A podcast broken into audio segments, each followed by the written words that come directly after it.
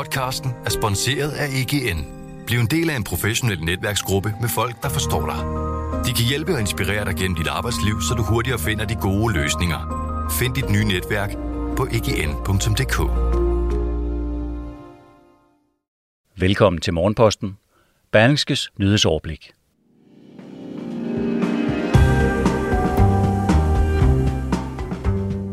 ...2.500 gange har institutioner i Region Hovedstaden forsøgt at ansætte en pædagog uden held. Social- og ældreminister Astrid Krav beskyldes for hyggeleri, fordi hun kun har et enkelt lovforslag på programmet. Og så er der mangel på sportsudstyr i danske butikker, og det er alt fra yogamotter til golfjern, det drejer sig om. Det er onsdag den 20. oktober. Mit navn det er Morten Olsen, og jeg har redigeret og indtalt den her morgenposten. Nødlidende virksomheder får nu en ekstra hjælpende hånd. Nye regler vil nemlig gøre det nemmere for kriseramte selskaber at få hjælp fra lønmodtagernes garantifond. Det skriver Finans.dk. De nye regler betyder, at medarbejderne kan få udbetalt deres penge fra garantifonden allerede mens virksomheden er under rekonstruktion.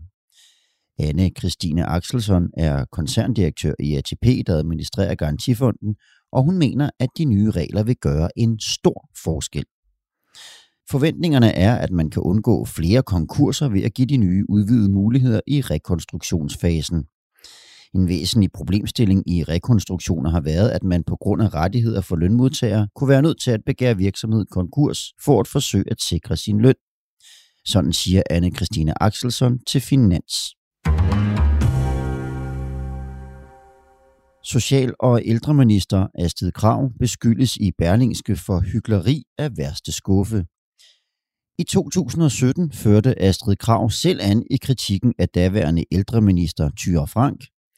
Hun havde for få lovforslag på programmet, lød kritikken fra Krav dengang.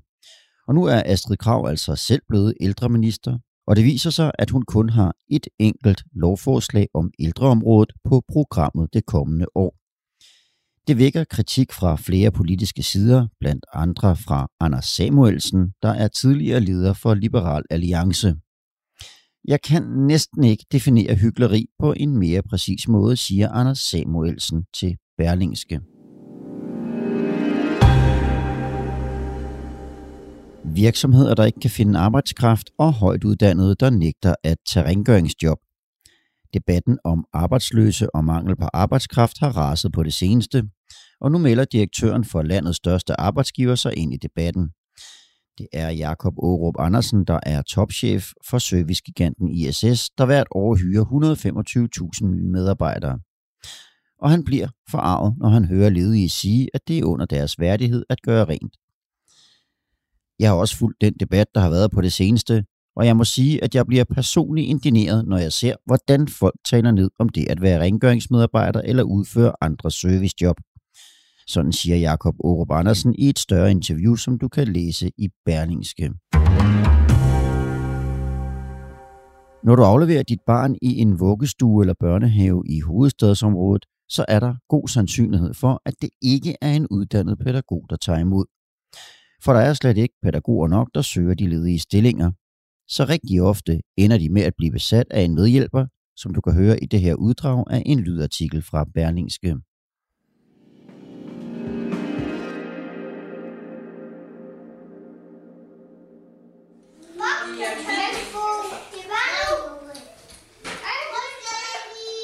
Når du afleverer dit barn i vuggestue eller børnehave, vinker farvel og tager på arbejde, er det langt fra sikkert, at det er et hold uddannede pædagoger, du overlader dit barn til. Og det kommer ikke til at ændre sig lige med det samme. Uddannet personale er nemlig blevet en mangelvare i Region Hovedstadens dagtilbud, og det kan få betydning for børnenes udvikling. 2.510 pædagogstillinger er det seneste halve år blevet slået op i Region Hovedstaden uden held. Ingen pædagoger har besat stillingerne. Næsten halvdelen af alle pædagogiske stillingsopslag er ikke blevet besat af en pædagog. Det viser en ny rekrutteringsanalyse fra Styrelsen for Arbejdsmarked og Rekruttering. Opgørelsen viser ikke, om stillingerne er blevet besat af andre end pædagoger, eller slet ikke udfyldt, siger styrelsen. Noget tyder dog på, at en stor andel af institutionerne slet ikke kan få ansat nok pædagoger. Mere end to tredjedele af landets pædagoger stod alene med den samlede børnegruppe i deres institution eller stue, sidst de var på arbejde. I gennemsnit oplever de i et tidsrum i løbet af arbejdsdagen at have ansvar for ni vuggestuebørn eller 17 børnehavebørn. Det viser en ny vilkårsundersøgelse fra BUPL. For formand for BUPL København, Henriette Bogdorf, er tallene ikke overraskende. Det har været et problem i mange år. Derfor har vi også råbt vagt i vær i flere år for, at man skulle øge dimensionering og kvaliteten på pædagoguddannelsen, siger hun. Med til historien hører, at regeringen i 2020 afsatte 500 millioner kroner til bedre normeringer i landets daginstitutioner, stigende til 1,6 milliard kroner i 2025, så kommunerne løbende kan hæve antallet af pædagoger per barn. Det kan dermed hæve efterspørgselen på pædagoger. Ikke desto mindre er udviklingen stærkt bekymrende, mener pædagogernes fagorganisation. En arbejdsmarkedsforsker og en forsker i børn i daginstitutioner stemmer i. Det kan få konsekvenser på lang sigt for børnene, lyder det.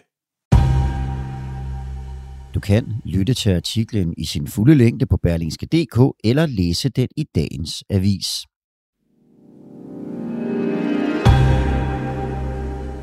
Står du og mangler et firejern til golfbanen, et par nye løbesko til vintersæsonen eller en yogamotte, så er det et rigtig dårligt tidspunkt at anskaffe sig det på. Det skriver børsen. Lige nu er der nemlig stor mangel på varer i de danske sportsbutikker. Og det skyldes manglen på råvarer kombineret med nedlukkede fabrikker og et fragtmarked med store flaskehalse. Det fortæller Mark Christiansen, der er salgsdirektør i Sports Group Danmark, der er en af Danmarks største leverandører til sportsbranchen. Der er stort set ikke noget, som ikke er ramt, og det bliver kun værre, som vi ser det lige nu, siger han til børsen.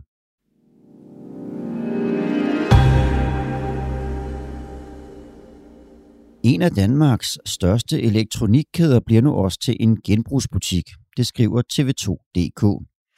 Elektronikbutikken Power er begyndt at opkøbe folks gamle elektronik for at sætte det i stand og sælge det på ny i butikken. Under navnet Repower er det allerede nu muligt for danskerne at sælge deres gamle elektronik til butikken. Powers administrerende direktør Jesper Bøjsen håber, det kan forlænge produkternes levetid. I årvis der har vi måttet lægge øre til kritik af den her køber og smid væk kultur, og det er berettiget. Nogle smider jo fire år gamle tv'er i skraldespanden, og det kan simpelthen ikke være rigtigt, siger han til TV2.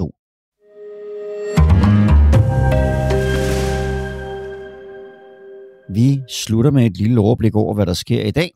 Flere store virksomheder kommer med regnskab. Blandt dem er Tesla, Vestas og Nordea. Og den internationale valutafond offentliggør sin rapport om Europas økonomi. Det var, hvad jeg havde valgt at tage med til dig i dag. Tak, fordi du lyttede med til Berlingskes Morgenposten. Husk, at der kommer en ny udgave af Pilestræde i eftermiddag, og i morgen der er Mette Melgaard klar med en ny Morgenposten. Ha' en rigtig god onsdag.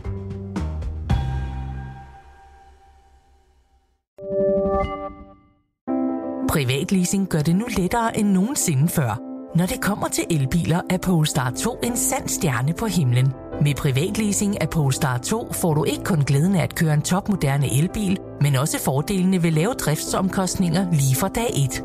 Du slipper for bekymringer om vedligeholdelse og service, for alt er inkluderet i den faste månedlige pris. Oplev friheden ved privatleasing af en Polestar 2. Besøg polestar.com.